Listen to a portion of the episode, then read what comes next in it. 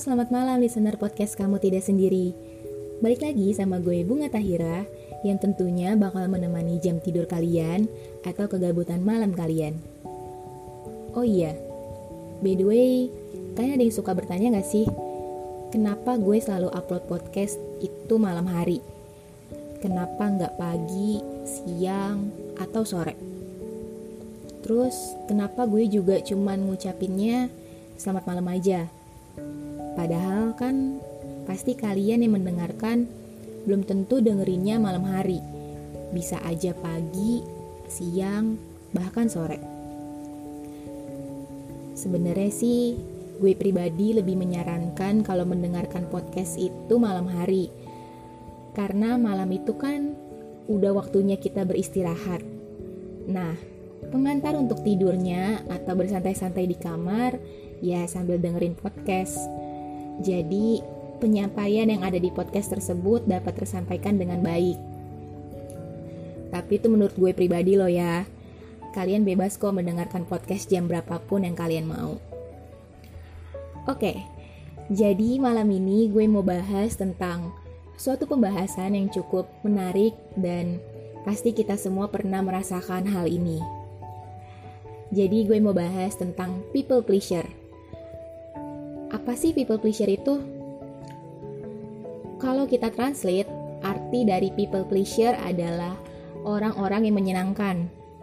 Sementara, menurut seorang psikolog dari Amerika Serikat bernama Susan Newman, people pleasure adalah seseorang yang selalu menempatkan kepentingan atau kesenangan orang lain sebelum kepentingan dan kesenangan dirinya sendiri.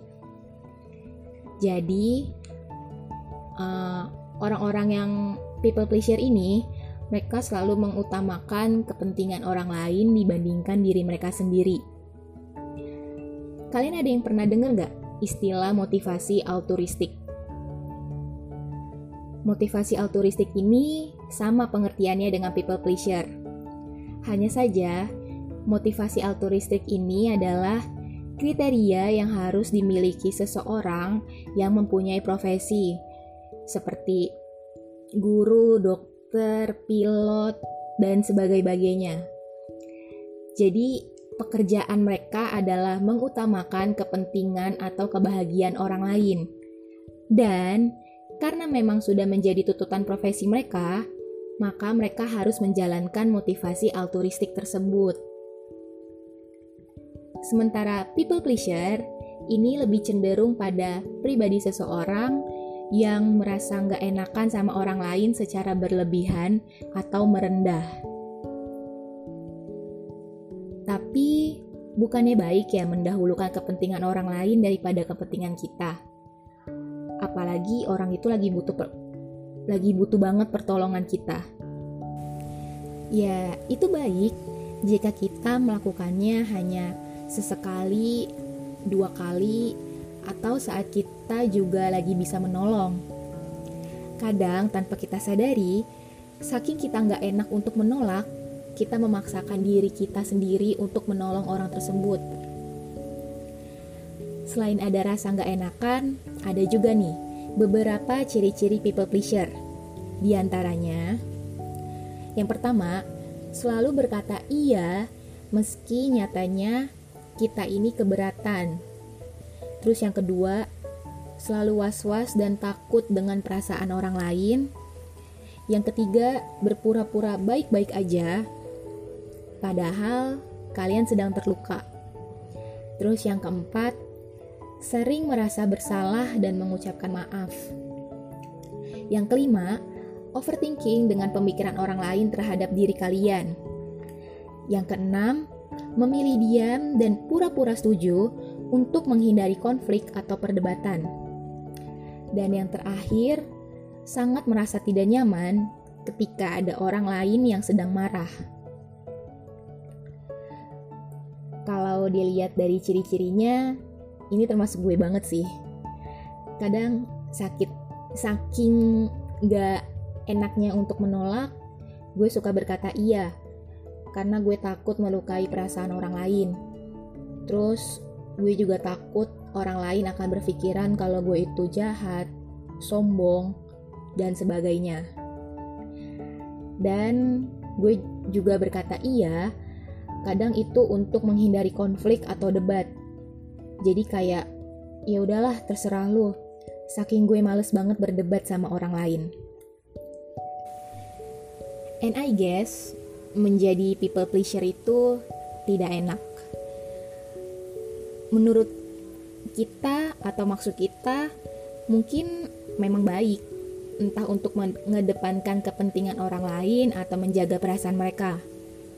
Namun, kebiasaan ini tidak baik untuk kesehatan mental kita. Karena kita terus-terusan memaksa diri kita untuk menyenangkan dan mendahulukan kepentingan orang lain di atas diri kita sendiri. Padahal sebenarnya kita juga butuh hal itu. Usahakan untuk tidak terus-terusan menjadi people pleaser. Ya, gue tahu ini pasti di luar kendali kita. Karena pasti ada rasa ingin berkata iya, itu timbul begitu aja tapi baiknya kita mulai melihat ke diri kita terlebih dahulu kayak uh, gue mampu nggak ya untuk nolong dia gue bisa nggak ya untuk bantu dia dan sebagainya kalau memang kalian nggak bisa bantu atau apa pun itu jujur sama diri kalian sendiri karena bukan tidak mungkin jika kita terus merendah ke depannya orang di sekitar kita malah jadi terbiasa merendahkan diri kita. Ya, we never know kan. Kalau gue pribadi sih yang ngerasain sebagai people pleaser itu bener rasanya jadi people pleaser tuh gak enak.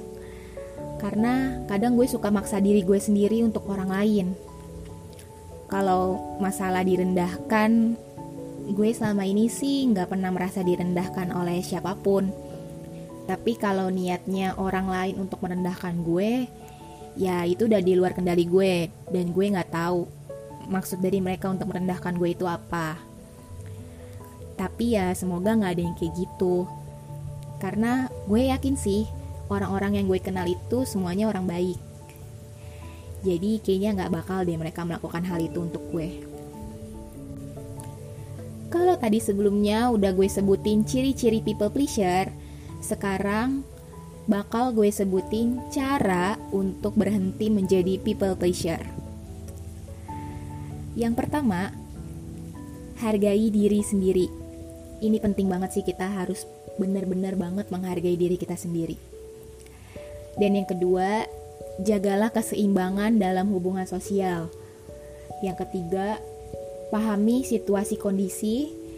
Yang keempat, menolak bukan berarti jahat, ini harus banget dicatat karena ini pasti salah satu alasan kenapa orang selalu mengiyakan padahal sebenarnya diri mereka sendiri tuh nggak bisa. Yang kelima, tidak usah minta maaf jika tidak perlu. Dan yang keenam, berikan batasan yang jelas. Dan yang ketujuh, tidak usah terlalu dipikirin. Susah. Iya, pasti. Karena seperti yang tadi gue bilang, rasa ingin berkata iya itu timbul begitu aja, terutama untuk kita people pleaser. Tapi kalau nggak mau terjebak dalam kondisi ini, ya harus dicoba cara tadi. Kuncinya adalah jujur pada diri sendiri. Terkadang untuk jujur pada diri sendiri memang terasa berat. Tapi di saat kalian jujur dengan diri kalian sendiri, di situ kalian sedang menerima keadaan diri kalian apa adanya. People pleasure timbul bukan karena uh, kita atau kalian tidak jujur pada orang lain. Tapi semua bermula saat kita tidak bisa jujur pada diri kita sendiri. So, be yourself agar semua orang bisa menerima dan menghargai diri kita apa adanya. Jadi intinya, untuk tidak menjadi people pleaser, kita harus mengenali dan memahami diri kita sendiri. Kita harus belajar untuk mengendalikan apa yang kita mampu dan apa yang tidak, sehingga tidak ada keterpaksaan dalam diri kita. Tidak ada salahnya kok menjadi orang baik. akan menjadi salah jika kita terlalu berlebih dan, hal itu dimanfaatkan oleh orang lain. Oke, gue rasa cukup pembahasan tentang people pleasure malam ini. Jujur, untuk tahap mengenal dan memahami diri sendiri, gue juga masih belajar untuk itu. Karena menurut gue, semakin dewasa kita, semakin lupa sama diri kita sendiri. Karena itu tadi, kita terlalu mementingkan orang lain dibanding diri kita sendiri. Jika ada kritik dan saran, atau ada yang mau berbagi pengalaman, boleh banget DM gue di @bungat27. Mohon maaf jika ada kekurangan dan kekeliruan di podcast malam ini. So, gue Bunga Tahira dari Kamu Tidak Sendiri dengan berbagai macam pengalaman yang menyadari bahwa kamu tidak sendiri. Good night listeners. Have a nice dream and see you on next podcast. Bye bye.